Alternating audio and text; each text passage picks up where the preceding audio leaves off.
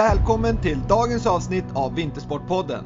Tack för att ni lyssnar och att ni hjälper mig att berätta om podden till alla era nätverk. Med alla intressanta gäster som jag haft och kommer att ha tycker jag alla ska få chansen att ta del av deras kompetens, erfarenhet och förmåga att ge inspiration. Så följ Vintersportpodden där poddar finns så ni får ett meddelande när ett nytt avsnitt är publiceras och naturligtvis följ Vintersportpodden på Instagram för att få relevant information om vad som är på gång och inspiration. Varmt välkommen till Vintersportpodden. Dagens avsnitt är i samarbete med Brooks, The Running Company, som är helt specialiserade på löpning. Brooks grundades 1914 och har lång erfarenhet hur bra skor ska utformas. Det kan jag verkligen bekräfta. Jag har testat många olika modeller och kan helt ärligt säga att Brooks har skor för alla löpstilar och underlag. Unna dig och din löpning ett par Brooks-skor nu när våren är här. Med bra löpskor blir löpupplevelsen roligare och hälsosammare för din kropp. Run happy med Brooks, the running company. Nu kör vi igång dagens avsnitt.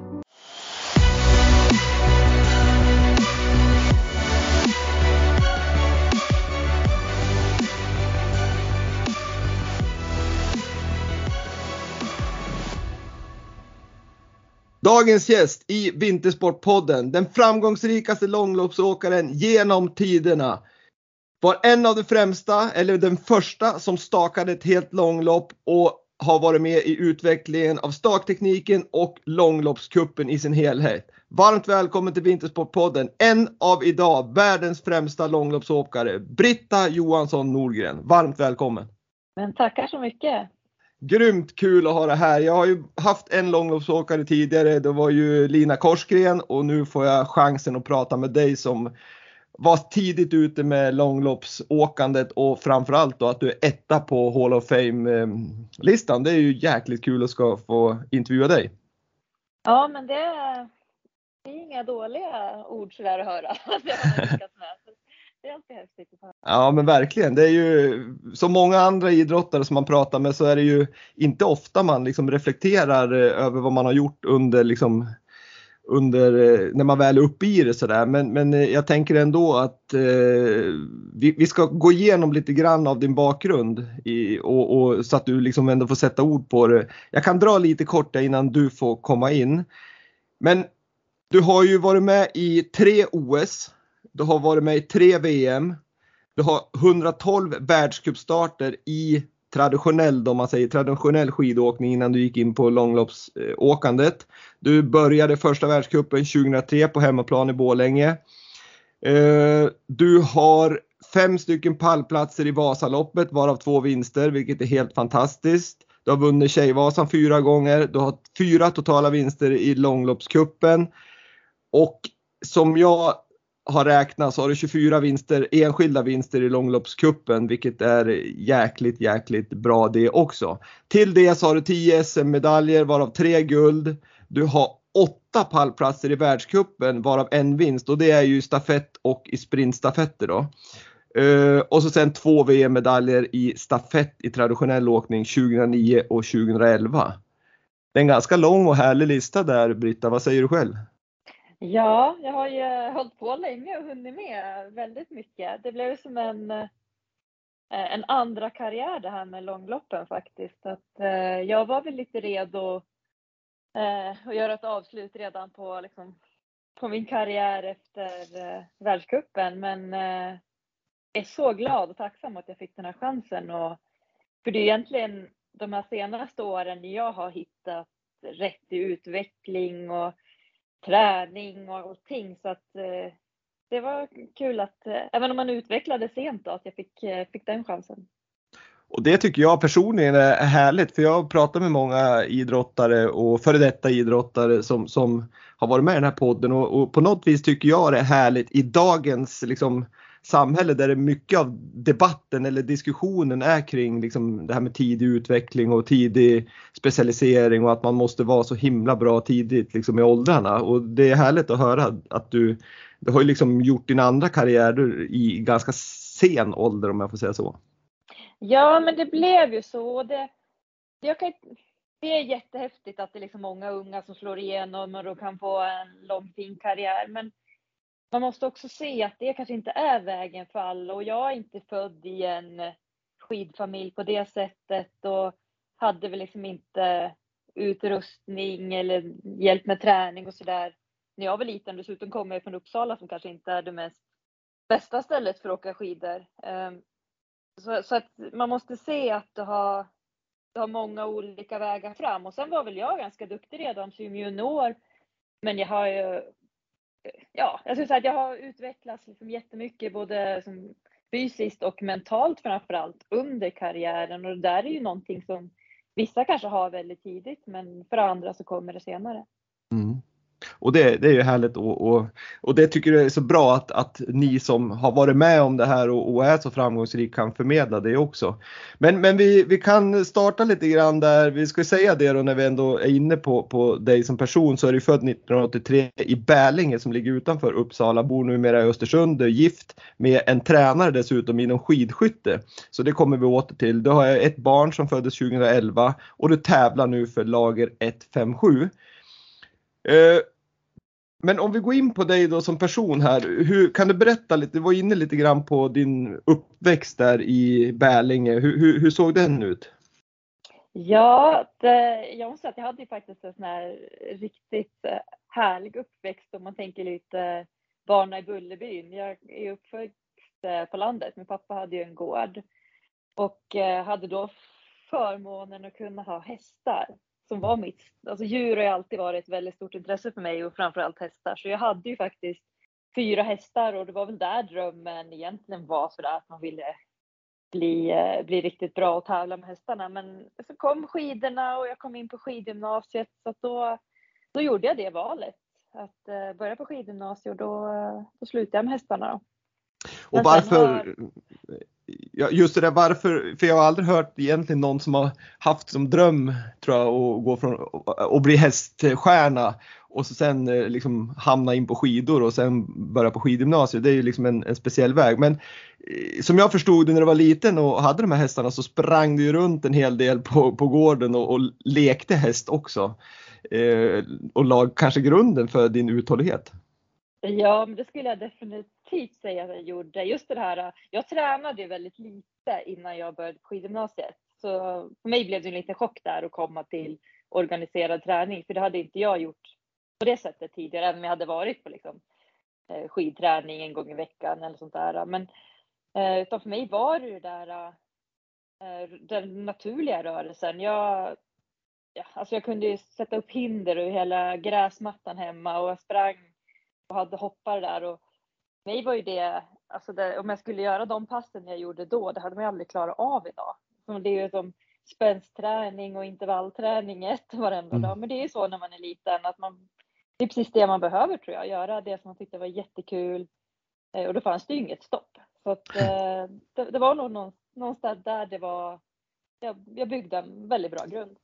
Men vad var det som gjorde att du ändå gick från där hästdrömmen till, till att sen fatta beslutet att, att ja, men dels börja med skidor men sen ta ändå ett stort steg och flytta från Uppsala, Bärlinge till Sollefteå och gå ett skidgymnasium för då har man ju ändå tagit ett ganska stort beslut. Ja, det är ju ett ganska speciellt beslut att ta när man är 15 och ja, men då sa väl jag att jag skulle bli bäst i världen på skidor och var väl liksom inte så Eh, medveten om eh, vad det innebar egentligen. Utan det, skidåkning kom från min mamma som gillade att åka skidor när hon var liten och jag har två äldre systrar då, som jag fick hänga med när de var på läger och tävlingar. Och så här. Och det visade sig att jag var, hade väl en fallenhet för det och var ganska bra på det och jag tror att det passar min personlighet också ganska bra där, lite tjuriga. Så det visade sig redan det, där då att jag jag, men, jag bara fortsatte egentligen och där eh, häst, hästarna var väl liksom, jag men visst jag tycker ju jättemycket om hästar fortfarande och sådär. Det var ju ett stort intresse men där är det ju lite svårare med ekonomin och du ska ha en häst, alla de grejerna.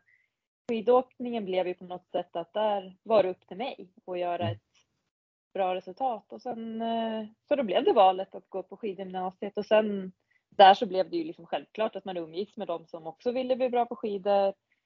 Så, så växte det ju verkligen fram att ja, men det var det här jag skulle hålla på med.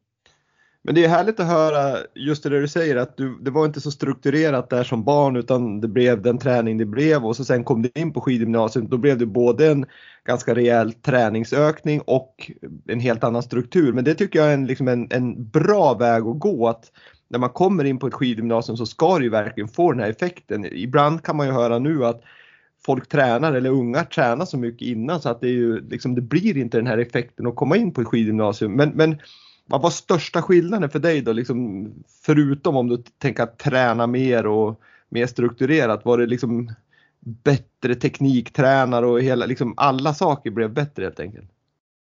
Ja, men det var det väl lite grann att få träna, dels ha väldigt eh, kompetenta och duktiga tränare, eh, vilket också var ganska, tror jag blev liksom tufft.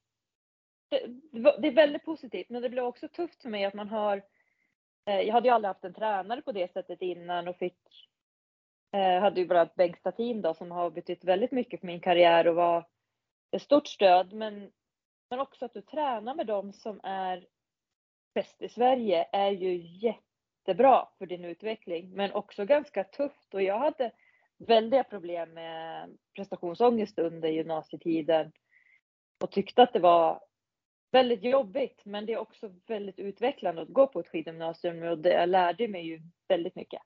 Mm. Ja, jag har själv gått på, på uppe i Järpen då, så jag vet ju att det, det var både väldigt, väldigt kul och så sen hände ju mycket i, i träningen så att säga, så det var ju en fin, fint del av ens liv. Men, men, ja, men det, är, det, det är ju fint, alltså det är en, och det är också en del av ens liv, kanske just de åren som man utvecklas väldigt mycket och händer väldigt mycket som tonåring. Så att, så att det är ju, jag tror att skidgymnasiet är ju speciellt för många, men det är ju verkligen en förmån att få gå på ett skidgymnasium. Mm.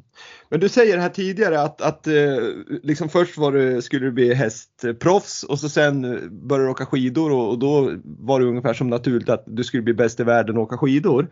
Men vad är det som, bara det säger ju någonting tycker jag att man, man är ganska beslutsam. Men, men vad, vad är det som gör dig så unik? Att du först har du gjort den här resan som traditionell skidåkare. Du bestämmer det 2014 därefter OS i Sochi att nu blir det långloppsserien och så blir du världens bästa långloppsåkare. Men vad är det som gör att Britta Johansson Nordgren blir så duktig? Eh, ja, det är alltid svårt att säga en grej, för det är väl alltid en kombination av många saker. Men jag skulle tro att det, min väg att lyckas, det är att jag har gjort Eh, jag har gått min väg. Att jag har inte alltid kanske passat in i mallen och jag har varit, känt mig väldigt fel på många sätt. Men att jag har ändå vågat gjort mina egna beslut och ja, men gått min egen väg. Och jag tror att det är det som till slut fick mig att slå igenom. Att jag, ja, men det här med att jag vågade bara staka. Det fick man ju så otroligt mycket skit för i början, men ändå kände att det var rätt för mig. Och också att jag vågade välja att skaffa barn under karriären. Det var ju också ett väldigt ifrågasatt beslut. Um, och även då lämnar världscupen till att satsa på långlopp. Jag åkte ju direkt från eh, OS i Sochi, var min sista världscup, och till Vasaloppet och sen blev jag fast i, i långloppen. Eh, alla de där tre grejerna har ju varit otroligt ifrågasatta, men jag skulle säga att det är de tre bästa grejerna jag gjort i min karriär. Och då, där tror jag att det ligger någonting i att jag vågat, vågat göra det som andra tycker är fel och i slutändan har det blivit väldigt rätt. Och det är ju liksom för många så är ju det här liksom ganska självklart ändå att, att man, man, ska våga gå sin egen väg och det är många som fina citat att uh, gå dina egna fotspår och inte andras och trampa upp dem själv och bla bla bla. Men, men det svåra alltid med de här fina uttrycken det är att verkligen genomföra det precis som du har gjort här. Va, vad är det som har gjort att du liksom har vågat göra de här grejerna som du säger med gå din egen väg, skaffa barn, du var först att staka, du, du gillar den här utvecklingen och, och så vidare. Du måste ju ha en väldigt liksom, trygghet och självkänsla ändå. Då. Eh, ja, alltså, både och skulle jag väl säga. Att jag är inte den där tuffa, trygga personen som alla kanske tror, utan har väl som sagt känt mig ja, men, väldigt fel och annorlunda många gånger. Men jag, jag tror ändå att jag har, jag har väl liksom den där, jag har en trygg uppväxt och jag, har väl liksom alltid varit sånt som har gått min väg och jag är inte heller eh, Ja, men det, det, är inte det viktigaste för mig att alltid passa in i alla sammanhang. Jag tror inte det. Att jag har känt att nej, det, det, fun det funkar ändå. Att det är för jobbigt att göra precis som alla andra och kanske vara eh, lite sämre kopia än, än någon annan. Då. Så att det, och jag tror ju det där att den första som gör, gör någonting annorlunda, den får ju alltid väldigt mycket kritik. Mm. Och, eh, men sen så kommer några efter ganska snabbt och då, och då blir det ju som normalt, normen. Mm. Men, eh, men det är ju de som också vågar göra det där lite annorlunda. Ja, men de har ju ett försprång och det tycker jag vi har sett jättetydligt i, i långloppscupen att det är jag och Lina som var de som eh, bestämde oss för att staka loppen från början. Vi, eh, vi sa ju det att nej, men vi är inte tillräckligt bra på diagonala stakning i vår styrka. Den kör vi på. Och jag vet, det var så många lopp första åren som alla sa, ja de här kommer, det här tävlingen kan i alla fall inte tjejerna staka. Och vi sa, men vi gör det, vi tar oss runt. Är det någon annan som är snabbare för att de är bättre på diagonala, då vinner de. Men vi kommer staka, för en dag kommer vi bli tillräckligt stark på det här. Och eh, vi har ju sett på, ja men senaste sex åren så är det ju Lina eller jag som har tagit hem eh, kuppen totalt och Vasaloppet. Så att eh, någonstans så tror jag vi har fått, vi gjorde väl rätt som vågade ta det beslutet. Ja, oavsett om det hade blivit så så tycker jag att ni har gjort rätt som vågar ta och gå er egen väg. För jag menar det är ju, det tycker jag är ju underbart att, att man vågar göra det. Men, men när det har kommit kritik då och du känner att du inte riktigt gör som alla andra och passar in. Vem är det som du har vänt dig till och fått någon form av ändå liksom stöd och liksom kanske lite, för ibland kan man ju brytas ner och, och att man, äh, men jag gör som de andra ändå. Men vem, vem är det du har liksom haft stöd av? Eh, ja men det som att familjen är det ju och, och, teamet också som tror på att jag får göra det jag vill. Men sen har jag också jobbat under alla år med Stig Wiklund som mental rådgivare och han har ju varit ett väldigt stort stöd i att lyssna på men vad jag vill och få, få mig att känna mig trygg i det och liksom, ja men egentligen strunta i, det är inte så att jag struntar i vad andra säger men lyssna på det och sen värdera om jag tycker att de de har rätt eller inte. Och det, är ju, det är ju väldigt många som tittar på TV och tycker väldigt mycket, vilket är jättefantastiskt för att det är, det är så roligt att man engagerar. Men mm. många gånger så kan jag också känna så här, ja det är jättelätt att sitta framför TVn och tycka någonting när man inte har en aning om vad jag har för skidor eller hur min kropp känns eller konkurrenterna hur de känns. Och, då, och där måste man också säga att nej, men jag, jag sitter ju på mest fakta, vad som passar mig. Och ju äldre jag har blivit så har väl också blivit så att ja, men det här är ju någonting som inte jag gör bara för resultatets skull. Det här är ju en resa som jag gör. Vad jag, om inte jag hade kunnat få köra loppen på mitt sätt så hade jag kanske inte eh, velat fortsätta. Och då tycker jag att det är bättre att jag fortsätter och gör det jag tror på. Precis, och, och då kommer ju egentligen frågan så här liksom, vad är det som driver dig då? För jag menar, jag, jag, vet, jag har ingen aning om vad du tjänar för pengar men jag, det är ju liksom inte i, i klass med av de här största fotbollsstjärnorna, det vet jag ju i alla fall. Men, men vad är det som driver dig för att vecka efter vecka, dag efter dag lägga ner den här tiden och jag menar det är ju en, det är en slitsam sport liksom. Så misstänker jag att det inte är pengarna som driver. Nej, hade det varit pengarna så hade jag nog kunnat haft ett annat jobb där jag tjänar mera eh, pengar. Visst, de senaste åren har ju gått bra, men eh, slår man ut det på alla år så har jag nog haft en ganska dålig lön. Mm. Men, eh, men någonstans, ja, det kan fascinera mig själv väldigt mycket att jag ibland kan vara så eh, less på det och liksom bara nej. Och ändå så, så hittar man det där hela tiden motivation till någonting. Eh, och jag hade ju en tanke ja, men dels då när, när vi valde att skaffa barn och fick Emilia redan 2011 att jag hade tänkt att ja, men jag ville komma tillbaka om det gick och jag var ju där. Det är ju inte så självklart att komma tillbaka efter en graviditet och med ett litet barn. Men då var ändå tanken så att ja, men jag skulle komma tillbaka och se, jag liksom testa det om det gick och kunde kroppen det. Och då tänkte jag väl ett eller två år och sen var ju mitt eh, fanns det ändå någonstans att jag ville göra tre OS och sen skulle jag sluta 2015. Det var ju liksom den, min långsiktiga plan. Men eh, nu är det redan 2022, eh, så 2015 var ju länge sedan. Ja, och verkligen. då är det sådär på sju års övertid. Och jag har ju egentligen många år sagt att nej men jag gör inte en oktober till. Jag tänker inte stå på rullskidor i nollgradigt och försöka köra fem timmar och tycka att det är skittufft. Men sen varje gång så vet jag, ja men det är ett par veckor det handlar om där det går jättetungt. Eller de här tunga perioderna när kroppen inte funkar. Man kommer ju som alltid ur det och det har, det har nog varit att jag varje år känt att jag kan bli så mycket bättre. Det finns så mycket som jag skulle vilja göra och se om, ja, men om jag blir bättre på den där saken. Blir, blir jag så mycket bättre skidåkare som jag trodde då? Sen var det väl egentligen förra året, hade, där var jag ganska säker på hösten att det skulle nog bli mitt sista år. Men sen när det gick riktigt dåligt då med köldskador, jag började ju säsongen bra på de här träningstävlingarna vi gjorde innan Ski Classic började, men redan på första tävlingen då drog på mig köldskadorna som egentligen aldrig riktigt hann komma tillbaka förra året. Även om jag var på start så kände jag mig aldrig riktigt förberedd.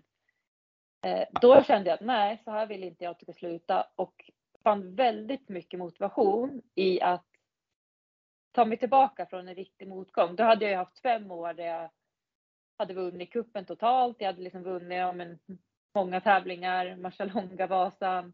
Det hade egentligen bara rullat på och jag kände ganska mycket press att jag alltid bara skulle prestera. Jag skulle alltid vara på pallen. Och det var liksom inte okej okay att misslyckas. och lite försvinner ju glädjen i att lyckas då för att det är någonstans att du inte riktigt kan lyckas. Du kan bara göra någon besviken. Och där, Ja, där precis. då, då kände jag själv så här att nej, jag kan göra mig själv väldigt stolt om jag lyckas komma tillbaka. Det är många unga som satsar.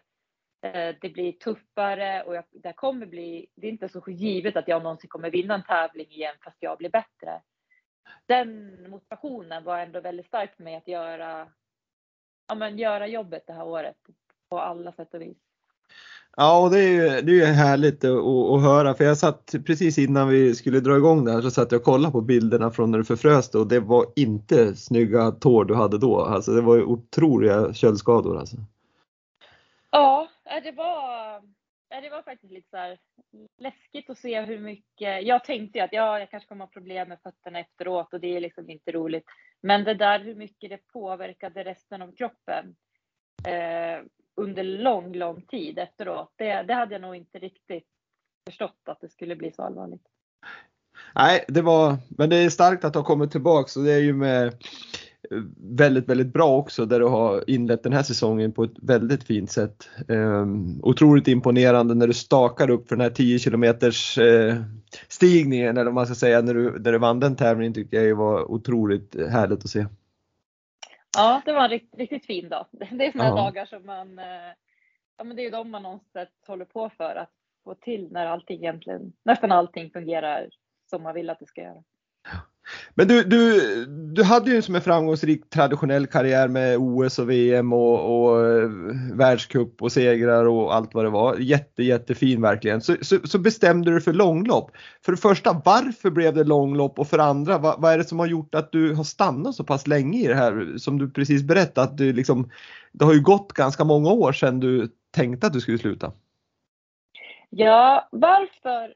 Någonstans så hade jag, när jag redan när jag var yngre, tänkte att ja, men Vasaloppet ska jag åka. Och jag ska vinna Vasaloppet, hade jag ju sagt.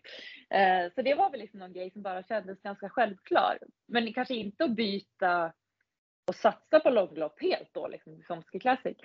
Men jag kände nog senaste åren där i världscupen att jag, jag hade lite svårt att utvecklas. Det var som, man var så taggad varje år, men jag kom som inte riktigt vidare och jag har ju lite svårt att trivas i den miljön som är ute på världscup eller i ett landslag. Att det är ganska tufft och där kommer väl kanske min svaghet, som jag skulle säga, en svaghet mentalt att ska passa in. Där tycker jag att det är ganska slitsamt att du ska tävla om vem som får, får tävla nästa tävling. Och att det, det blir ett tufft klimat och det tycker jag är så mycket roligare på långlopp att jag vet att även om jag skulle åka dåligt i helgen så får jag åka Vasaloppet. Det är liksom inte uttagningar till att komma dit utan jag kan förbereda mig för att vara så bra som möjligt på Vasaloppet. Ehm, så det tror jag har gjort att eh, jag tyckte att det här var så mycket roligare, att man är ett team. Och jag tidigare har ju alltid tyckt att det var roligast med stafetter och teamstafetter och de där grejerna. Du presterar ju individuellt, men du ska ändå göra, vinna som ett team. Eh, och, och det gör vi ju lite här också. Att, men även om jag vinner jag tävlingen eller ja, men som Emil har vunnit mot tävlingen, då är vi ändå teamet bakom eh, på ett helt annat sätt och det, det tycker jag är jättekul. Nej, för jag kan ju tänka mig att i, i landslaget, jag ska inte säga att det är så, men jag kan tänka mig precis som du beskriver. Dels är det uttagningen och, och det är väl en naturlig del för det finns ett begränsat antal platser och det finns många som vill ha dem. Men, men sen är det väl också att man kanske man måste passa in på ett sätt för att få vara en del av landslaget. Det kanske inte är okej okay att köra sin egen väg som du beskrev tidigare att du väldigt gärna vill göra. Nej men inte det där att vara nyfiken. För mig har det alltid varit väldigt viktigt att vara engagerad i min egen träning. Och så även om jag haft tränare som hjälp så har jag ju själv velat, jag har inte bara velat haft ett program att följa och sen liksom stängt av huvudet utan jag har ju velat fundera väldigt mycket på vad jag tror på att träna och ändra lite grejer och ja, men testa sådär saker. Och det har väl inte varit riktigt lika enkelt när man är ett landslag utan där är det ju lite mer en mall du ska följa och passa in i. Mm. Och det tycker jag är så otroligt det som händer i långloppen nu att ja, men det tränas och utvecklas så otroligt mycket. Alltså det, det, jag har väl hört många som säger så att ja, men långloppsåkare det är avdankade världscupåkare som inte tränar. Men jag att det, det, är nog snarare så att det tränas ganska mycket mer bland långloppsåkare unga än vad det gör de som åker världscup och de eh, tänjer på gränserna och det har ju inspirerat mig jättemycket. De här som har kommit upp senaste åren i, i långloppen och ja, men, verkligen utveckla träningen. Jag tycker det är väldigt fascinerande att se och det har ju också gjort mig att vilja utmana mina gränser lite mer. Och det förstår jag med tanke på hur, hur du är som, har beskrivit att du är som person, att, att det blir inspirerande med folk som kommer och vill prova och testa nya saker och, och driva utvecklingen.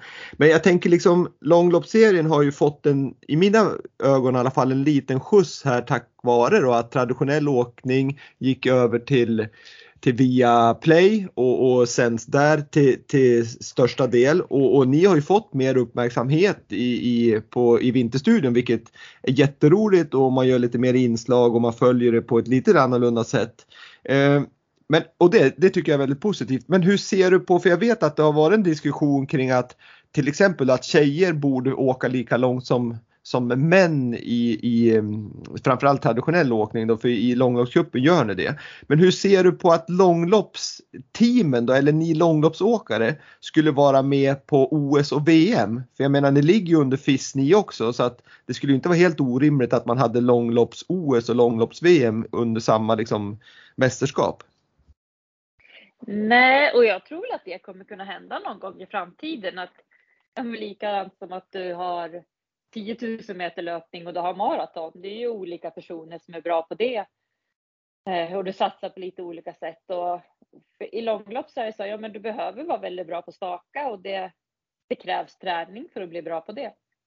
Och men vill... skulle inte jag, jag skulle inte kunna eh, gå in på en tre mil på OS och tro att jag skulle vinna den. Liksom det, det är en annan grej som, ja. eh, som är med de eh, backar, banor och man behöver ju, likadant där behöver jag träna på skate eller diagonal om jag skulle vara bra på det. Så att det, att man måste våga skilja på att vi är lite, vi är två olika grenar i, i skidåkning. Ja men precis och det förstår jag och, och, det är det jag menar att man, då skulle man ju haft eh, 60 kilometer eh, OS i långlopp eller 90 kilometer eller vad det nu än är. Men, men vill långloppsserien, skulle ni vilja bli en del av OS och VM? För det är inte helt klart heller liksom att, att då blir man ju en del av det där du beskrivit tidigare kanske att, att det inte är det här sköna eh, lager 157 teamet liksom.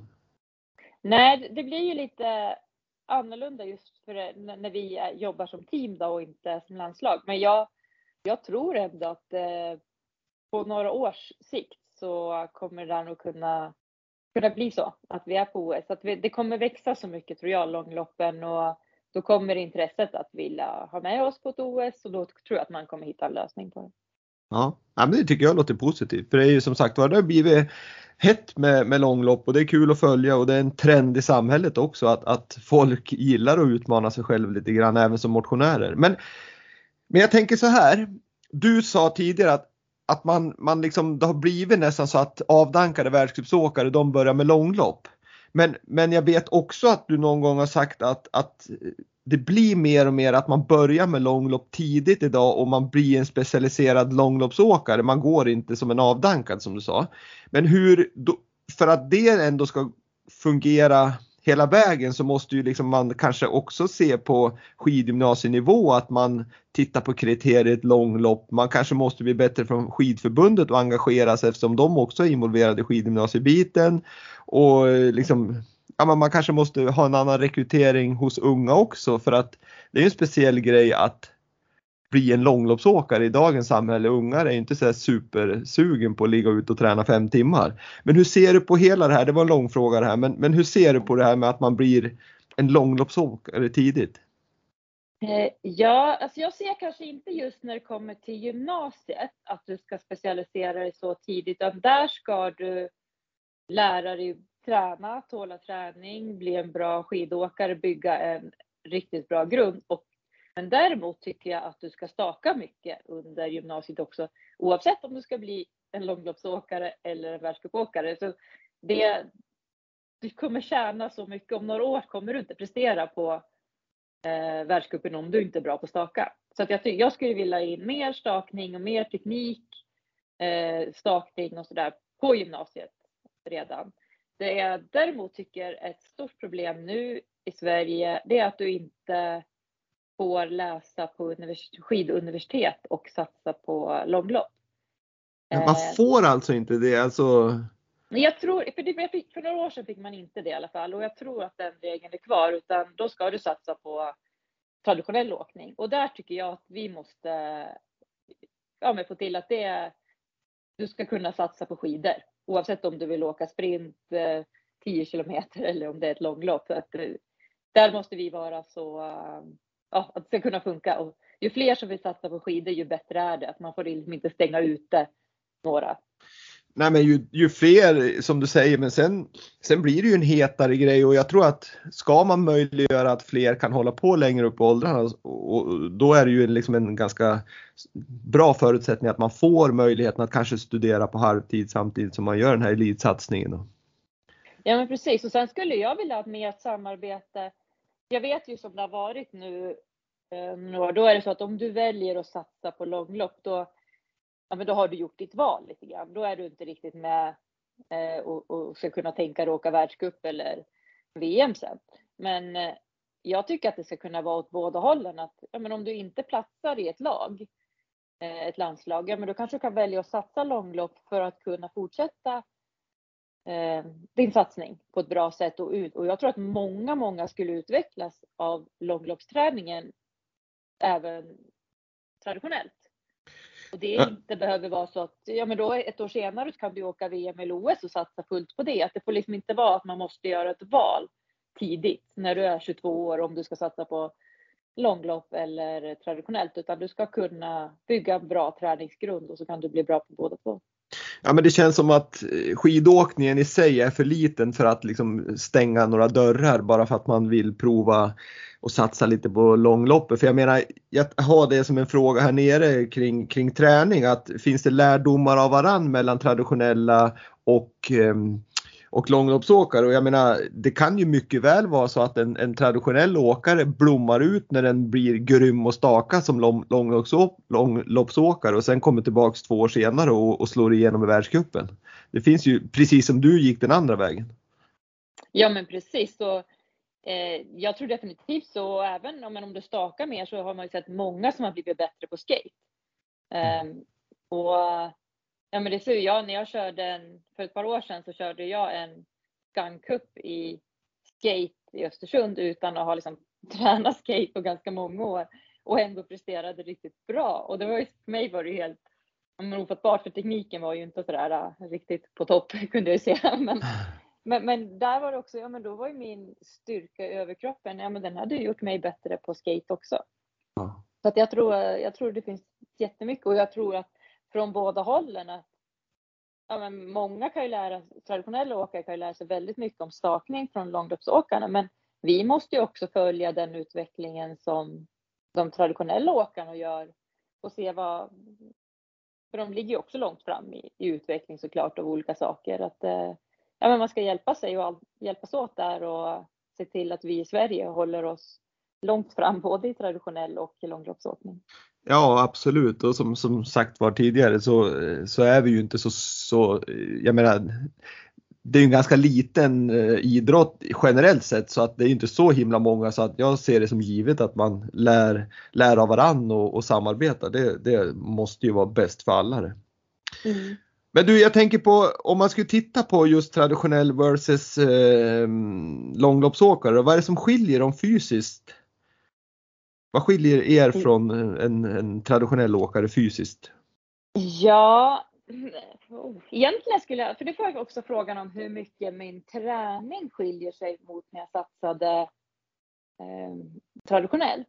Och egentligen så skulle jag säga att det är inte jättemycket. Jag tränar ganska mycket mer nu än vad jag gjorde förut. Eh, och det blir fler, det är mycket mer stakning såklart och det är fler långa pass. Och det som, om man tar framförallt en sprintåkare så behöver ju de vara så bra på att tåla mjölksyra.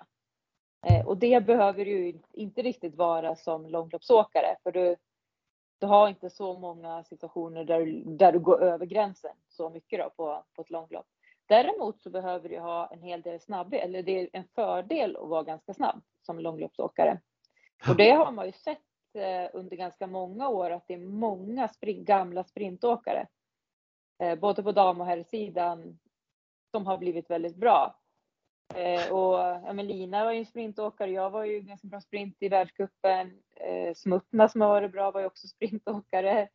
Eh, Geitna som kom över var sprintåkare och på herrsidan så har vi många. Vi hade Kölsta, Dahl, Öystein Pettersen. Många av de där åkte ju sprint i världscupen och sen bytte till långlopp. Ja, ja, och det var därför jag egentligen ställde den här frågan. För när jag har suttit och researchat det här då har jag liksom också dragit den där slutsatsen att fasiken det är många som verkligen är superduktig i långloppen som kommer, som kanske var liksom även specialiserade sprintåkare.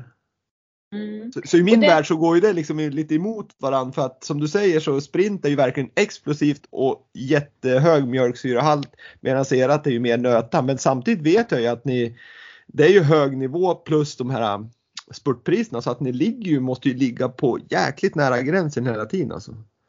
Ja, och det är ju det som blir fördelen att vara ganska snabb och ha, ha de där sprintegenskaperna. Det är, ja, men det är såklart att du kan lita på att du kan vinna en spurt.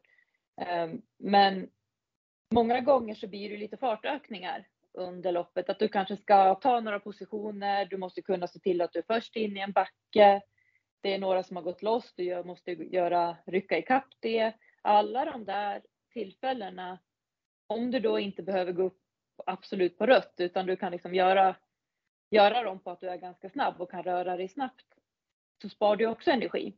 Mm. Um, och också lite, det spelar ingen roll om du skulle kunna hålla på i en fart sju timmar om du ändå inte hänger med klungan när den kör fort. Det gäller ju liksom kunna hänga med i den högsta farten som är på loppet. För ofta någon gång så ryker de flesta för att det går för fort. Um, in, inte av att de inte orkar till mål utan det är bara att det blev för, stor fart i loppet. Jag vet ju, det sa du i sista tävlingen här, då, då när du blev tvåa här i, vart var det i eh, vart var du nu sist? I, i, i Schweiz ja. Ja exakt, i, i Sankt Moritz där ja. Då, då ehm, då, då fick vi frågan i TV tror jag, men varför hängde du inte med när hon gick lös, Dal? Men då sa du att nej, jag, jag väntar för, för att eh, hade jag kommit kapp så hade jag ju varit tvungen att dra säkert. Och då hade jag ju någon förhoppning att hon kanske skulle stumna då. Eh, men det, det måste ju ha varit en ren taktik det. Ja, det är det ju och där blev det väl en, eh, nu vet man inte hur loppet hade slutat ändå, men det var ju en taktik missa mig att jag eh, tänkte att jag, vi skulle hjälpas åt, jag och en annan tjej. Um, så att vi skulle kunna vara piggare och Ida fick ligga och köra sig lite trött själv. Men uh, nu blev ju det en miss att tiden rann iväg för att uh, det blev ändå jag som fick göra jobbet. Och, och det är sådana grejer som påverkar träning eller tävlingen att du, när det är sånt läge att det var Lina och Ida då, som handlade om som var från samma team. Uh, jag vet ju att om jag går ikapp Ida där så kommer hon inte känna att det är hon som ska dra utan då hamnar jag och dra och då kan jag mm. lika gärna ligga tio sekunder bakom henne så blir vi trötta båda två.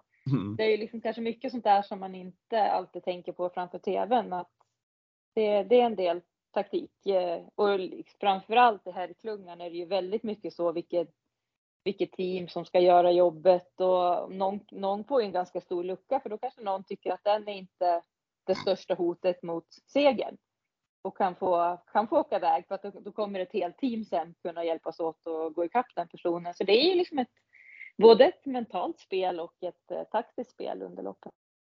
Ser du någon fördel där med att vara, man får inte säga att någon är äldre, men, men att vara lite äldre, liksom, har du någon fördel där just i det taktiska och rutinen att, att ja men stick ni ungdomar så, så ses vi, väntar jag på er mål ungefär?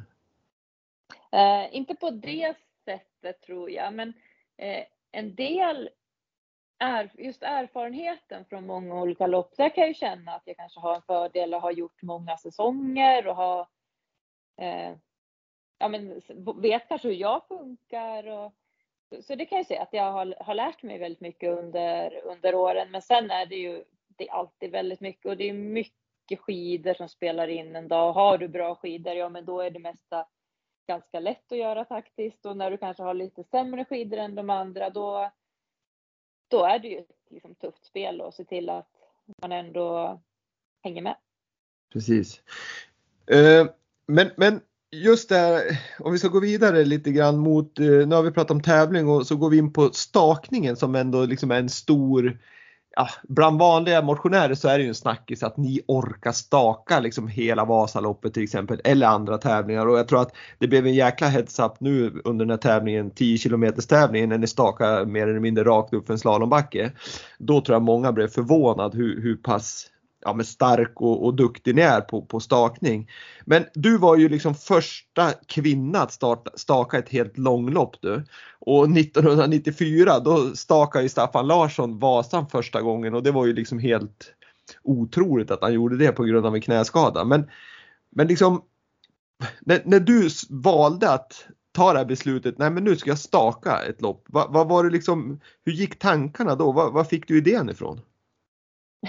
ja, det kan man ju undra. En, eh, ja, men det var väl också där nyfikenheten på att utvecklas och bli bättre på det. Men mitt först, mina första år, då var det faktiskt så att jag var ju inte eh, speciellt stark och det var väldigt tufft. Alltså kroppen var det ju tufft för att staka och det var ju inte så att jag lätt tänkte att nej, men de här backarna stakar ju upp och dagen innan tävling många gånger så tänkte jag så här, jag kommer inte orka, alltså, jag kommer aldrig kunna hänga med dem som går fäste här för att jag kommer vara så trött. Och sen när väl tävlingen kom och så körde man och så bara oj, det, det gick ju liksom, jag åkte ifrån dem som gick med fäste, vad häftigt. Så här. Jag, det gick ju mycket bättre än vad jag trodde att staka upp. Så att det, eh, det har ju varit en otrolig resa och just det när alla säger att ah, men du måste vara så stark och dina armar måste vara jättestarka som orkar staka. Men det handlar ju egentligen väldigt mycket om att ta i så lite som möjligt. Att det är eh, egentligen hålla emot sin egen kroppstyngd och kanske inte dra så mycket med armarna för de är ju en liten muskelgrupp och kommer ju ta slut. Så att det, det är väldigt mycket teknik och det är också vissa dagar så är det så otroligt lätt. Ja, men som den tävlingen där 10 km upp när tekniken stämmer väldigt bra och det känns bra i kroppen. Ja, men då kan man som ligga på hela vägen och det blir en sån här jättehäftig känsla. Men de dagarna när kroppen inte riktigt vill och man kanske inte har de bästa skidorna och tekniken, liksom, nej, men det, den bara funkar inte. Då är det ju jättetungt att staka. Så att det blir, äh, det, det är liksom inte alltid lätt, men det, det, är nog inte bara, det är inte bara att vara stark heller, utan det är tekniken först och främst gör det ju väldigt mycket lättare. Jag förstår det och alla som har sett er staka, om man går tillbaks liksom bara till 2015 till, till nu så ser man ju liksom med ögat, även om man inte är proffs, liksom, så ser man ju att det är stor skillnad i, i staktekniken. Um, om, om, man skulle börja med vad, vad har utvecklats från eh, 2015 till nu i staktekniken och vad tror du kommer hända från nu och fem år framåt? Ja, men det kommer säkert hända jättemycket och det, det är alltid svårt att se det för man tycker att det har hänt så väldigt mycket. Men eh, jag har ju eh, försökt att ändra min teknik väldigt mycket bara senaste åren egentligen och det är ju nu när det kommer in. Det känns ju som att de här som kommer in som är yngre, de har ju lätt att ändra tekniken och de har ju som inte lagt så, så många år på samma teknik. Jag kan ju tycka att det syns att jag har åkt skidor väldigt länge och har lite gammaldags teknik sådär. Men, eh, men jag blir väldigt inspirerad av just andras, eh, jag menar till exempel när Emil Persson har kommit och eh, också hade ett sånt superår förra året. Och då blir det ju väldigt mycket, vad gör han som är bra i tekniken? Och ja, frågar han en del och funderar och åker liksom, jag har ju förmånen att träna honom då och kunna åka bakom och se vad, hur vart sätter han ner sina stavar, vilken vinkel är på staven och hur har han sin, sina ben och hur långt fram sätter han händer. Alltså det är så många sådana grejer som ändras. Det jag kan se som har ändrats under senare år en hel del, det är att förut så, för några år sedan så satte man ner staven väldigt rakt ner i backen. Eh, och där, du är ganska stark där. Du eh, skapar väldigt mycket kraft och ganska hög fart, men det kostar ju lite mer. Där kan man säga att man numera också lärt sig åka ganska energisnålt. Ehm, och det är väl det som med teknik handlar om också mycket, att du ska kunna anpassa den efter både efter trängen och efter föret och sen också efter vilken fart loppet har. Och det har ju varit en, en utmaning för mig så här, som jag kanske inte har varit superbra på är att ligga i klunga och fortfarande hålla tekniken och åka ganska energisnålt. Jag åker ju ofta som bäst när jag får bara köra på i den fart jag kan så länge jag orkar i stort sett. Mm. Då, då sätter jag tekniken som bäst och åker som bäst. Då. Ehm, så där har jag under senaste år försökt jobba ganska mycket med hur, hur ska jag åka så energisnålt som möjligt. För, för, där kan jag tänka mig, liksom, tittar man i landslagssammanhangen eh, och traditionella landslaget, där har man ju ganska mycket forskning och man har folk runt om så det är tekniktränare och, och så vidare som, som kommer med det här serverat. Det känns som att ni inom det här liksom, teamvärlden och långloppsvärlden, ni, ni sköter det här liksom, forskningen om jag får säga det själv då, liksom, genom att titta på varann och, och försöka lära varann och, och så vidare. Ja men lite så blir det och sen har vi ju ändå men många har väl också kontakter med liksom tränare och sådär genom eh, ja, den traditionella skidåkningen och, och kanske andra idrotter man kan se mycket. Så det gäller ju att vara ganska öppen på eh, ja, men vad som händer i träning i andra idrotter, är någonting vi kan lära oss där. Och tekniken, just stakning, blir ju så eftersom att vi är, forskning ligger ju oftast några år efter när det kommer liksom men utvecklingen går snabbt. Så att det, där blir det så att det har varit lite provande och så får man se någon som eh, det går väldigt lätt för. Ja, men vad gör den då som, som den mm.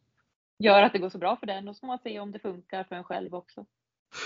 Hur mycket tid lägger ni, det där förstår jag att man lägger ner tid på som du säger under passen, kanske titta på video och så vidare. Men hur mycket tid lägger ni på materialet då? Dels på Eh, komma med tips till leverantörer av stavar på nytt material, en annan flex på staven till exempel, andra handtag, andra remmar. Men sen även längden på staven. Hur mycket laborerar ni med och längre eller korta stavar?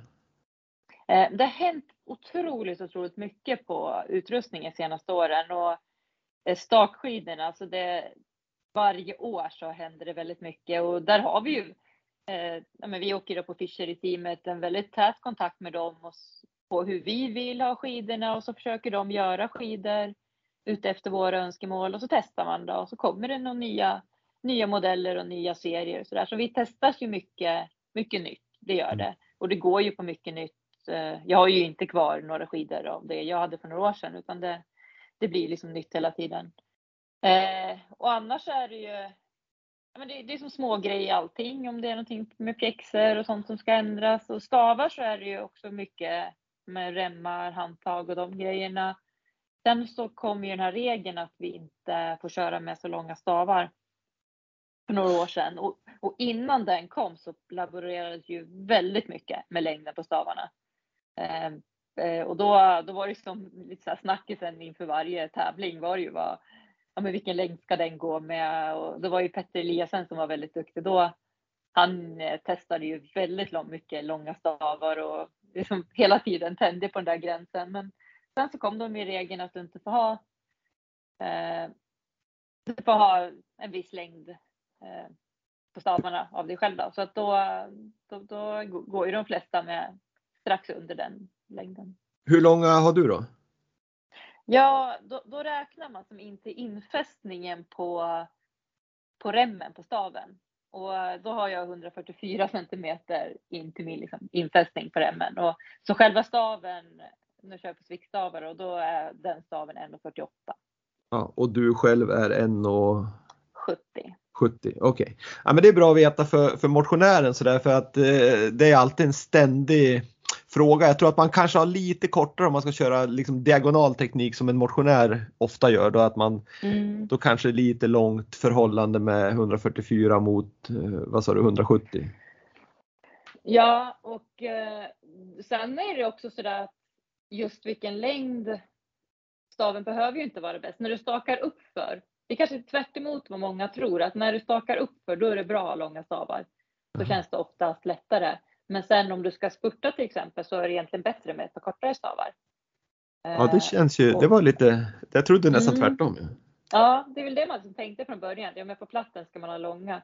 Men det, det tester jag har gjort på det så åkte jag ju faktiskt sämst med just den här liksom mellanlängden på mycket grejer och att uppför så åkte jag bättre med långa men när jag skulle åka platt och när jag skulle åka snabbare så åkte jag bättre med mina klassiska stavar som var kortare. Då. Men där är någonstans så hittar man ett mellanting, eh, vad som funkar för mig. Och jag eh, är inte säker på att liksom, den längden jag kör med skulle givet vara bäst för alla. Det tror jag inte.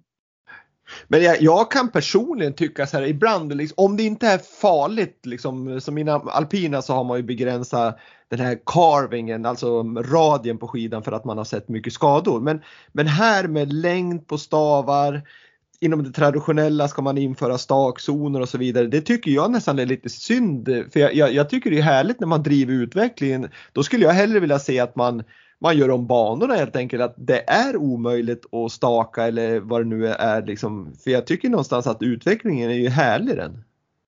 Ja, den är ju, de där reglerna är jättetråkiga tycker jag. Ja. Eh, och de förstör väldigt mycket. Och just den här stavregeln, den kom ju för att begränsa att vi inte skulle staka. Men mm. sen när man införde zoner istället, då blev ju den regeln egentligen helt liksom onödig. Och nu är det ju, den är ju ingen som ingen knappt tror jag som kollar på den längre och sådär, utan men regeln finns där och då ska man ju följa den. Men den har ju egentligen inget syfte och jag tycker att den är eh, ja, men dels tråkig för att den begränsar utveckling. Men sen också så är det väl några som kanske har sett att de eh, får mindre ont i ryggen om de har längre stavar. Och då är det ju jättetråkigt att man inte får åka med längre stavar och om det kan hjälpa att man inte får ont i ryggen. Ja verkligen, för annars blir det ju kontraproduktivt att man sätter en regel som gör mer skador. För vi vet ju att längdåkare har haft lite problem med ländryggen.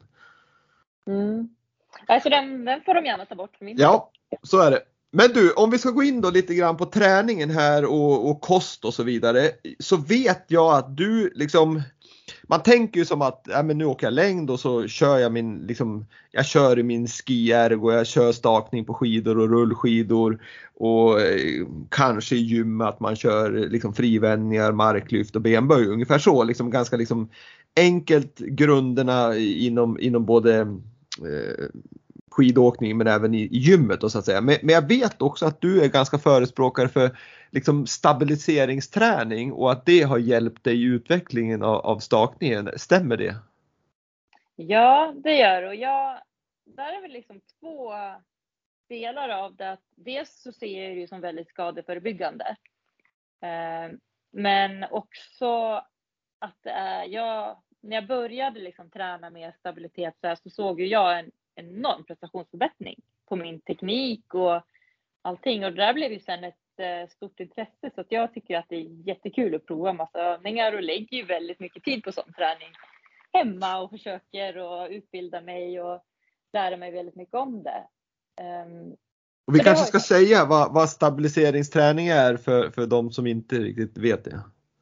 Ja, men där ser jag, alltså du ser ju en form av styrketräning för kroppen, men att du har ett, ett rörelsemönster där du gör övningarna väldigt bra. Du an, använder rätt muskler som du ska använda. Att du liksom inte det är lätt att ha väldigt mycket kompensationsmönster för att man är stark på något ställe, utan du försöker bli stark så att du klarar att göra övningar på rätt sätt och bygger upp en, en stabil och stark kropp. Då. Och då är rörligheten naturligtvis borde vara väldigt viktig för det begränsar ju styrkan i min värld i alla fall. Ja, de där tycker jag hänger ihop väldigt mycket. Alltså dels behöver du ha en viss rörlighet för att kunna utföra övningar bra. Och, och, men jag ser också det att jag fastnade ju väldigt mycket i att köra rörlighet hela tiden. Jag, liksom, jag var alltid stel på samma ställen. Men sen när jag började bli stabilare, då kunde helt plötsligt inte behöva göra de där rörlighetsövningarna. För då gick inte det tillbaka hela tiden, utan då blev jag ju rörligare också. Fick, det var win-win där helt enkelt.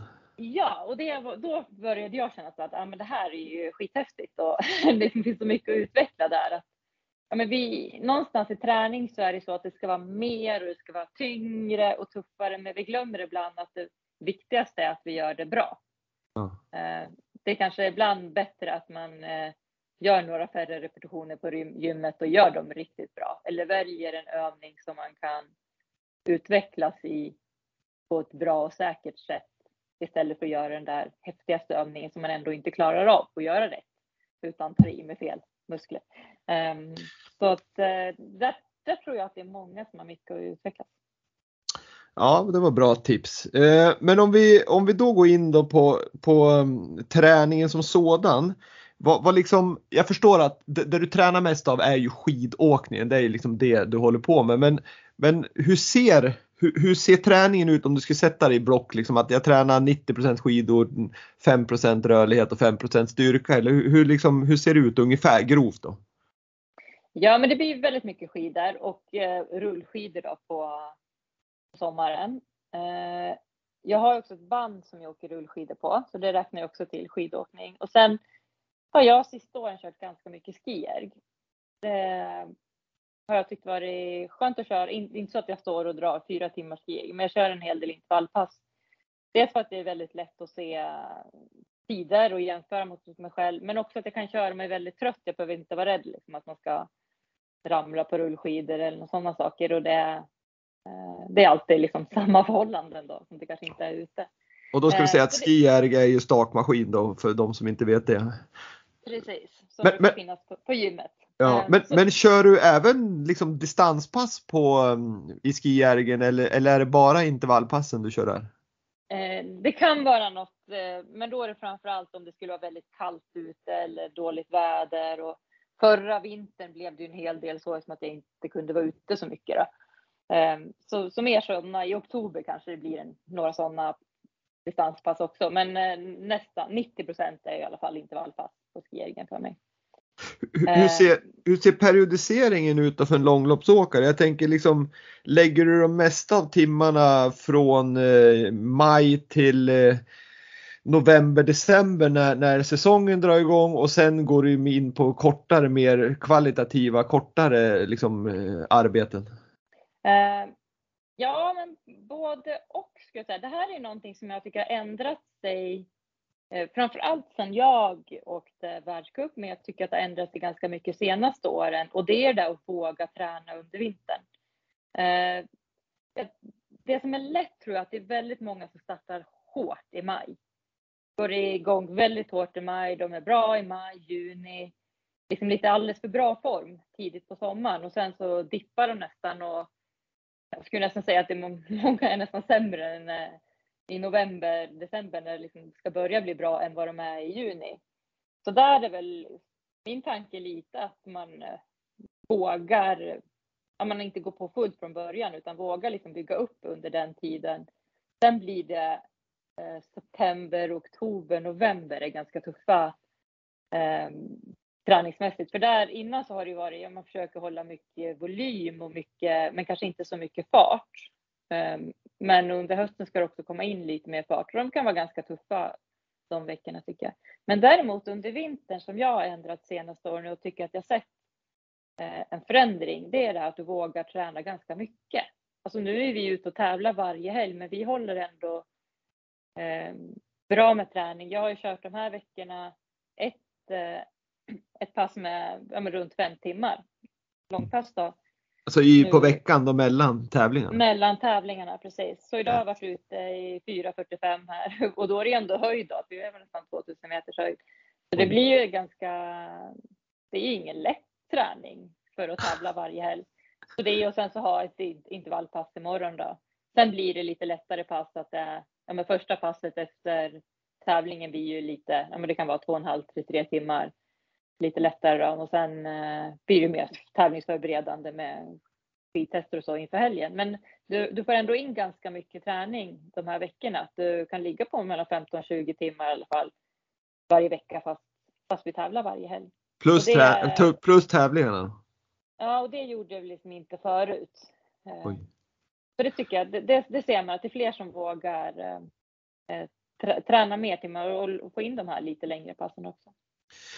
Ja, det är ju sjukt mycket träning, alltså det är imponerande. Men, men det, som, det som jag kan känna sådär, jag förstår att det är jätteviktigt att få mängd och att träna mycket, det är liksom det, är det ni håller på med. Men hur, hur mycket liksom jag får ju för mig att hjärnan i ett sånt här långlopp, om vi tar till exempel Vasaloppet, så är ju det mentala måste ju spela in jättemycket. Det spelar ingen roll vilken motor du har, men har du minsta jävla mentala kollaps så, så spelar det ingen roll hur mycket du än har tränat. Nej, det är ju det, är det som är så fascinerande på tävling. Att det är, det är så mycket mer som eh, ska till för att du ska få till det på tävling. Då. Och det, där ser man ju vissa personer sådana som, ja, man, de, man tycker inte att de är så märkvärdiga när det är träning, men presterar när det kommer till tävling. Och så finns det ju de som är jättestarka, så de är fysiskt jätte, jättebra, men det, det vill sig liksom inte när det blir tävling, för då är det andra grejer som, andra kvaliteter som spelar roll. Ja, det är intressant att höra verkligen. Det är komplext det här. Det är, det är inte bara att få ihop det. Och, och, och, en, liksom en sista del i det här pusslet, det är ju kosten. Att träna så här mycket som ni gör och få i sig tillräckligt med, med energi, det måste ju vara en utmaning i sig. Ja, det, det är det Det är både och skulle jag säga. Ibland är det ju lätt att äta eh, för mycket, men eh, många gånger är det alldeles eh, lätt att få i sig för lite. Och det är väl någonting som jag har blivit bättre på senaste åren, som jag inte var bra på förut, det var det att få i mig energi på passen. Jag har liksom inget problem att göra ett fyra timmars pass eller fem timmars pass på vatten. Alltså det, det klarar jag, men jag blir så sliten efteråt. Eh, och där har jag blivit mycket, mycket bättre på att nej, men jag har alltid med mig bra, jag kör med sportdryck på passen, jag har liksom, någon gel eller energikaka eller någonting så att jag eh, ser till att jag inte går tom på passen för då är jag ganska fräsch efteråt och kan träna bra dagen efter också. Så att det, det är liksom inte bara att klara av passen utan man måste se, se, på någon, se det på en längre sikt och se en helhet. Och, och där är väl visst, om målet var att åka Vasaloppet på vatten, ja men då hade jag väl kanske träna långpass på vatten också. Men vårt mål när vi tävlar är ju att få i oss så mycket energi vi bara kan. Alltså vi ligger ju på ja, men jag vill ju att jag ska ha i mig minst 100 gram kolhydrater i timmen, vilket är väldigt mycket och inte så lätt att få i sig på en tävling. Men, men sätter man det, alltså den energiplanen och ha, ha en bra dag, ja men då är du pigg hela vägen in i mål och kommer vara starkast på, på slutet av loppet. Och dessutom ska du äta det där när magen kanske, för när man tar ut så mycket så kan ju magen strejka lite grann också. Ja, så är det för vissa. För mig har det faktiskt inte varit något problem. Det kan hända så att när man kört att, man, att det vill vända sig och komma upp igen. Men, ja. men jag har inte haft något problem att jag får ont i magen eller liksom blir dålig i magen. Men däremot att det är ganska tufft. Alltså om du tänker att du har, om du skulle ta bara gel så, så har du 20-25 gram kolhydrater per gel. Ja, men då ska ha du 4 till 5 sådana per timme. Ja. Då, det är inte så många minuter mellan varje du ska in då och så ska du hålla på och fippla med det där när du åker så det, det, det, liksom, det låter som så här, ja, ja, men det är inte så svårt att få i sig det där. Men just när du håller på och tävlar i tre, fyra timmar, då blir det helt plötsligt väldigt mycket att få i sig. Ja, jag förstår det. Och sen ska ni äta innan och kvällen innan och så vidare. Men är det liksom, ni har inget hokus jokus filiokus utan det är vanlig husmanskost som ni käkar dagarna innan där och får göra uppladdningen? Ja, men det är det. Alltså inga så här egentligen speciella, utan det är väl också som man tänker att man ska få i sig 10 till 12 gram eh, kolhydrater per kilo kroppsvikt. Det är också ganska mycket. Alltså det, jag tänker en dag om man inte tränar, då är det ju väldigt lätt att äta för mycket kolhydrater om du fikar lite grann och sådär. Men just när man ska i sig det, då är det inte så lätt att få i sig allting. Så då, då får man ju tänka på att verkligen äta, ät, välja kolhydrater och inte, inte den dagen du ska välja en fetsås till till middagen och sånt där, utan då försöka ta bort så mycket annat som möjligt då, för att få i sig kolhydraterna. Sen så blir det också att man kanske får ta i det lite mer i dryckesform, att du kan ta det eh, med juice eller någonting. Och jag kan också ta det ibland som lite sportdryck eh, extra så direkt efter passen sista dagarna för att, för att verkligen få i sig det. Och kanske också lite, passa på att ta en godispåse eller någonting så man får eh, för att få i sig alla kolhydrater. Där har, där har väl jag sett en skillnad att ja, men det är, du, du behöver ju i dig alla kolhydrater men du vill ju inte äta så du är mätt och full och för då känner du dig bara ganska tung. Ja. Eh, och tung och klumpig och det är väl, där har väl jag försökt ändra lite grann att det är inte sista dagen jag äter utan det är framförallt liksom, om vi tävlar på lördagen så är det framförallt torsdagen som jag ska äta och kanske fram till eh, 3-4 på eftermiddagen på fredagen. Sen en helt bara vanlig middag och liksom inget ex, speciellt extra på kvällen heller utan du ska gå och lägga dig, inte proppmätt utan då ska du ha fått i dig kolhydraten men inte vara så full i magen. Det tycker jag hjälper. Ehm, det, det, har vi liksom gjort lite fel tidigare. Då har jag ätit så jättemycket liksom sista dagen inför tävling att det är egentligen på kvällen då man börjar äta och så tar kanske ja, men extra då tar jag en godispåse det sista jag gör på kvällen bara för att få i tänka att jag ska safea och få i mig alla kolhydrater. Men det som händer då tycker jag att jag, jag mår ganska dåligt men sover sämre också. Ja, det blir ju också en viktig del i det hela. Men, men du, innan vi ska avsluta det här och, och bara dra en liten framtidsblick eh, så måste jag ändå ställa frågan kring allt du beskriver nu. Det är, det är träning, väldigt mycket träning. Det är man ska äta ganska mycket. Och, och det är materialtestning och så vidare. Och så sen har ju du ett barn som du sa som eh, föddes 2011 och så har du ju en man som också jobbar med med skidåkning inom skidskytteförbundet och, och även han ute som tränare på, på världscup och så vidare. Och nu ska jag inte liksom vinkla det här att det är svårt att vara mamma och, och, och hålla på med elitidrott utan nu tänker jag mer som en familjesituation. Liksom, jag vet hur det är att vara tränare, det är liksom också flängande och, och det är mycket tid som läggs ner på det och jag vet hur det är att vara förälder med mat. Att det är lätt att det blir korv och makaroner och, och lite här och där om man värmer någonting i mikron. Men hur, hur liksom hur, hur strikt är du med det här? För jag misstänker ju att ändå så är det ju ungen som, som på något vis går i första hand när det brinner till med sjukdomar och, och så vidare. Ja, men det är det ju. Alltså det, det finns ju så mycket då som blir viktigare än skidåkningen. Men vi har ju, det är många gånger som jag tänkt, men hur sjuttsiken har vi fått ihop det alla år? Att vi har eh, i början då, innan dottern började skolan så jobbade Jonas och min man med USAs landslag. Så han åkte över till USA för två veckor och så var han hemma två veckor. Så höll han på så hela sommaren och sen eh, var han ju ute på världscup på vintern. Så då var det ju speciellt och vi hade ju aldrig klarat det utan eh, mina föräldrar framför allt som verkligen ställer upp för oss och sen även svärföräldrarna. Då. Det, de, eh, bara den här veckan så var det ju så att ja, men jag är kvar här nere i Europa och min man då skulle till antal på världscupen och då och dottern behöver ju gå i skolan så då var hade mamma och pappa som fick vara med sin mormor och morfar då, eh, en vecka så de, eh, de har ställt upp jättemycket. Sen så är det väl så att det, det är för och nackdelar med att vi har båda. Det är ju också ganska fria jobb att vi kan ju åka iväg eh, vi, vi, kan ju planera vår tid ganska bra. Sen har vi vissa liksom grejer som är fasta och datum och det kan krocka. Och, men på något sätt har det väl, på gott och ont så, så ofta så löser det sig med att det är inte alltid borta samtidigt då, utan det tråkiga i det är att det kan gå några veckor där vi inte träffas. Men mm. alltid någon är hemma. Oftast är alltid någon hemma med Emilia så att det med dottern så att det.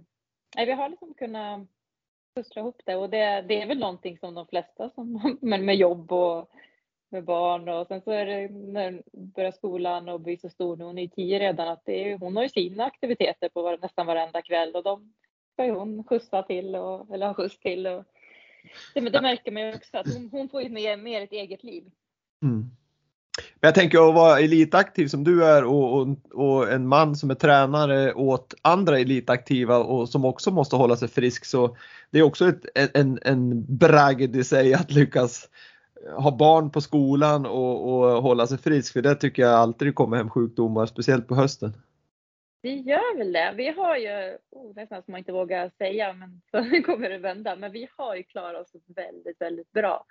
Eh, alltså, en dotter måste ju ha ett eh, enormt immunförsvar, för jag tycker nu har det varit två tredjedelar av klassen borta hör man och får mejl från skolan att eh, ja, men nu var det läraren var sjuk och nästan alla elever var sjuka. Men eh, hon, hon, eh, oftast så klarar hon sig eh, väldigt bra och eh, såklart så har hon så här, någon förståelse för att man säger ja men du behöver tvätta händerna eller ät ordentligt med mat nu, ät grönsakerna så du håller dig frisk och.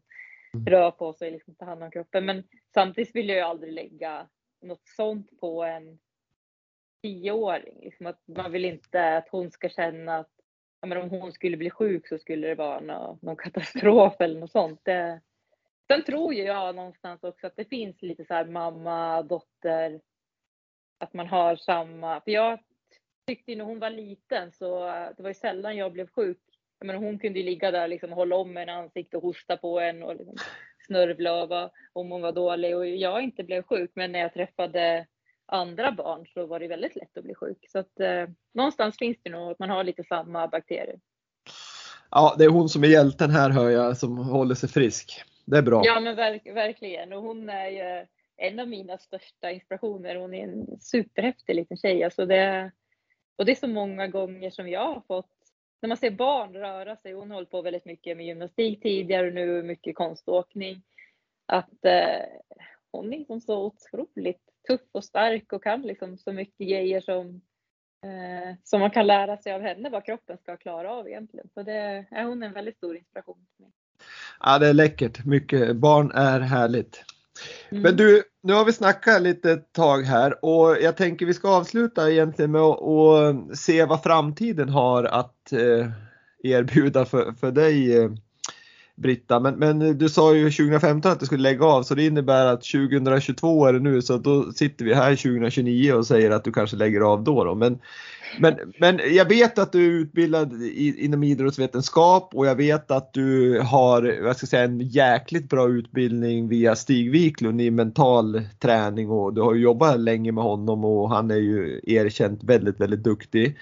Hur, hur ser du liksom, är det någonting du vill jobba inom det här med träning och mental rådgivning i framtiden eller har du andra planer?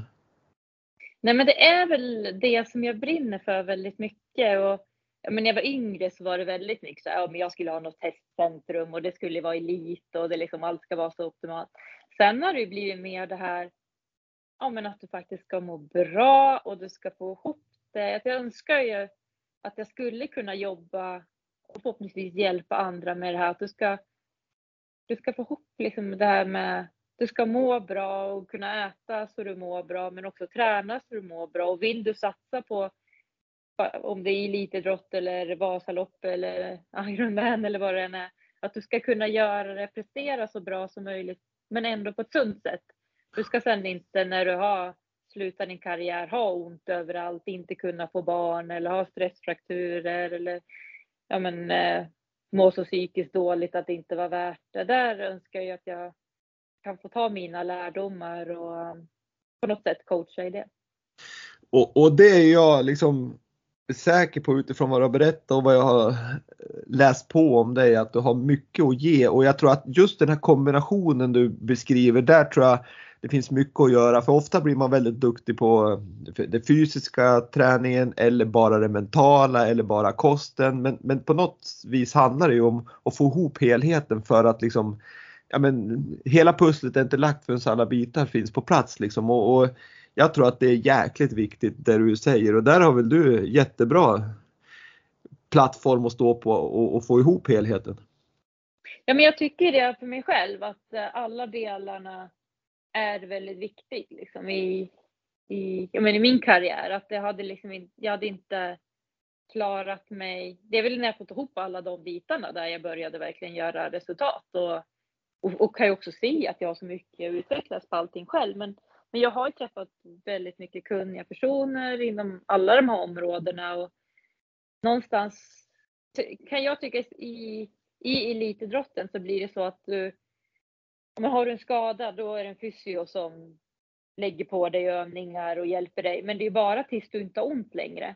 Sen har du liksom ett jättehopp tills du till en optimal prestation. Men, men det är inte så mycket snack emellan eh, ja, men tränaren som gör den vanliga träningen. Vad, vad kan den få in redan liksom innan skadan kommer från fysion? Hur kan man bygga upp den här personen så den klarar det så bra som möjligt? Och, om med, med kosten, hur får du hjälp med kosten? Inte bara att ja, du behöver äta massor för att orka träna, men när behöver jag äta och vad behöver jag ändra i min eh, kost för att det ska bli optimalt, för att jag ska faktiskt må så bra som möjligt och inte få något problem med kroppen eller näringsbrister eller så och, och det mentala ju, har ju med allt det. Hur, liksom, han, hur hanterar jag den här biten med kosten? Att du faktiskt vill kanske väga mindre men fortfarande träna mer. Och och jag vet, till tävling. Det är, som, det är så otroligt många bitar som ska på plats i, eh, ja, i ett liv där allting kanske inte alltid är så lätt att göra de grejerna.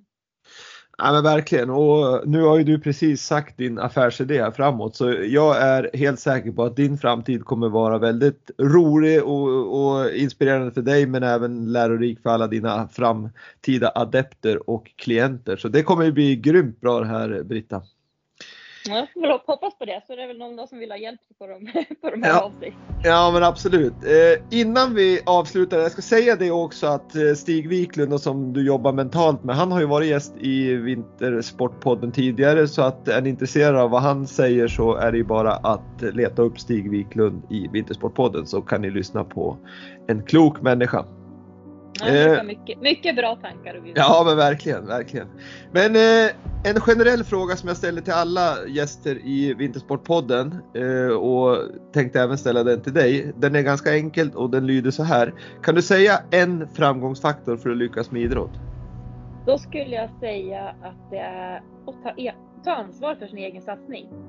Det är väldigt lätt, kanske framför allt hos eh, yngre tror jag, att man lägger lägger så mycket i någon annans händer. Att om det inte går så bra så var det någon annan som skulle ha gjort det eller hjälpt en med det eller sagt det. Och där skulle jag säga att nej, men man måste, vara, man måste se, se sin satsning som ett företag och vara spindeln i nätet och våga ta hjälp. Att man kan inte allting själv men det finns otroligt många kunniga personer. Ta hjälp, har ont någonstans, ja, men ta hjälp på en gång. Eller eh, behöver du hjälp med träningen, ta hjälp. Behöver du hjälp med kosten, försök att få hjälp någonstans. Att det, men, men att man tar ansvar, skulle jag säga. Att det liksom inte skyller på någon annan. Och, för man har inte så många år och det är så tråkigt att slänga bort en, eh, en karriär och inte ha tagit ansvar själv. Verkligen. Kloka ord från en klok människa. Med det sagt så tackar jag Wille Berlin och Vintersportpodden dig Britta jättemycket för att du var med i, i podden och jag önskar dig all lycka med den här säsongen och naturligtvis även din framtid då, som skidåkerska men även som eh, eh, som företagare tänkte jag säga, som, som eh, din affärsidé här som du precis kläckte. Ja, men, tackar så jättemycket, väldigt trevligt att få vara med. Kanon, ha det så jättebra! Tack så mycket. Hej hej.